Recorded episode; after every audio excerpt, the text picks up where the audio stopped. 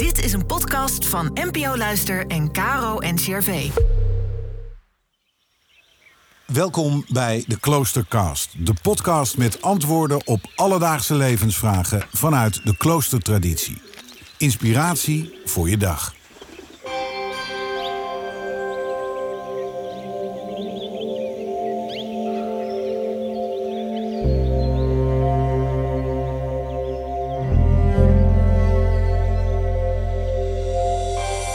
Maria van Mierlo is Cisterciënser leek. Ze leeft al twintig jaar vanuit de regel van Benedictus en vertaalt eeuwenoude kloosterwijsheid naar de wereld van vandaag. Ze staat stil bij de Vlaamse documentaire God Vergeten.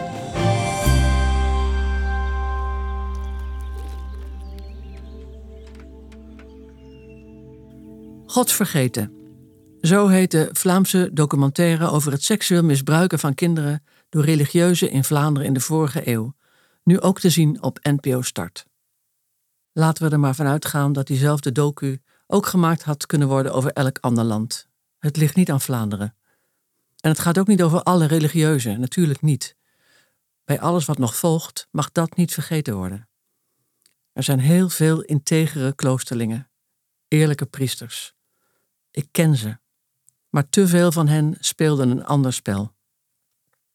Kinderen werden door hun ouders vol vertrouwen overgedragen aan kloosters. We zullen goed voor uw zoon zorgen, klonk het dan onder de poort van het internaat, als de eerste arm al om jonge schouders lag. En daarna, buiten het zicht van ouders en familie, begon het, soms dezelfde dag al. Verkleed als religieuze, kon men in een netwerk van pedofielen decennia lang zijn goddeloze gang gaan. Het kost me moeite om dit kalm in te spreken en niet woedend te schreeuwen over hoe erg het was.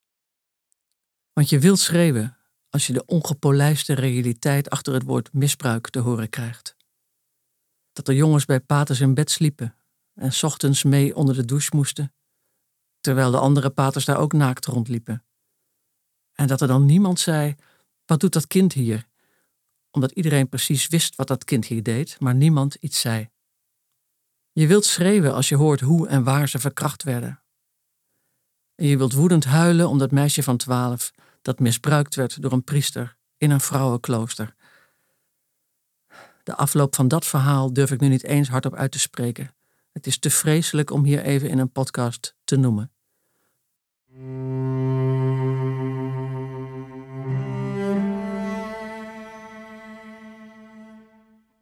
Wat overblijft na die vier afleveringen is verbijstering, ontzetting. Wat moeten we met een kerk waarbinnen het kwaad de kans kreeg een habijt of kazuivel aan te trekken, een meid erop te zetten, of de vissersring te dragen en die nog te laten kussen ook? Het is begrijpelijk dat mensen zich nu massaal laten uitschrijven. Het lijkt logisch om de kerk de schuld te geven. Maar toch de mannen en vrouwen die het misbruik en de moorden gepleegd hebben, dat zijn de schuldigen. Ze hebben de eigenlijke kerk, die onze kerk is, een weerloze kerk van liefde, waarin ook heel veel goede mensen werken, gebruikt als dekmantel. En als er al eens iets bekend werd, was er altijd die muur van zwijgen over elkaars misdaden, zoals we die kennen van de maffia, de omerta.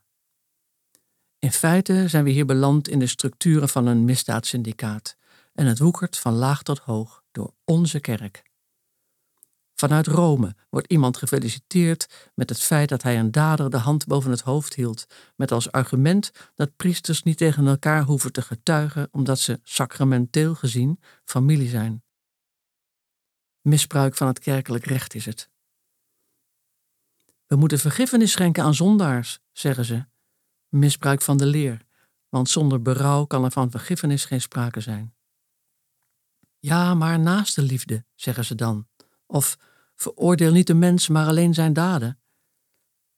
En zo wordt uiteindelijk de liefde zelf misbruikt en alles wat Jezus ons leert, want daden moeten consequenties hebben. En het heeft niets met naaste liefde te maken om daders een werelds proces te onthouden door te schermen met citaten van Jezus.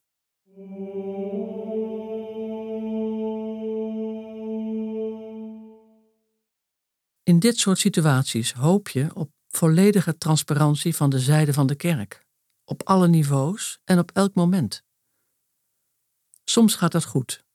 Wordt er geluisterd en voelen slachtoffers zich echt gehoord. Maar uit de documentaire God vergeten blijkt dat het ook vaak misgaat. En dat is waar nieuwe pijn ontstaat. Pijn die nog eens over het misbruik heen komt. Het kan best juridisch kloppen als een bus dat een zaak verjaard is, of dat een bisschop zich kan verschansen in een abdij ergens in Frankrijk, omdat de politie op dat terrein geen zeggenschap heeft vanwege de kerkelijke immuniteit. Maar wat je op spiritueel niveau verwacht, is dat die bisschop zelf naar buiten loopt, met as op zijn hoofd, zijn handen naar voren houdt en zegt: Arresteer mij, ik heb het verdiend. Dat zou een waarachtig kloosterlijke houding zijn, de houding van een oprechte gelovige, omdat dat waarheid is.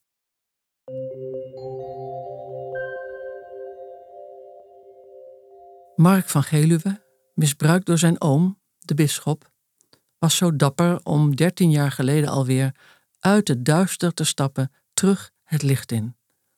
Op naar de waarheid. Door zijn moed durfden ook anderen naar buiten te komen met hun verhaal. Zo gaat dat. Uiteindelijk laat het licht zich niet tegenhouden. Wie de waarheid doet, komt tot het licht, schrijft Johannes. En de waarheid zal u vrijmaken. Dat zijn uitspraken waaraan niets valt toe te voegen en die elke betrokkene in dit verhaal zich mag aantrekken. Pas als de waarheid aan het licht kan komen, kan het licht der waarheid ons weer bereiken. God zij dank.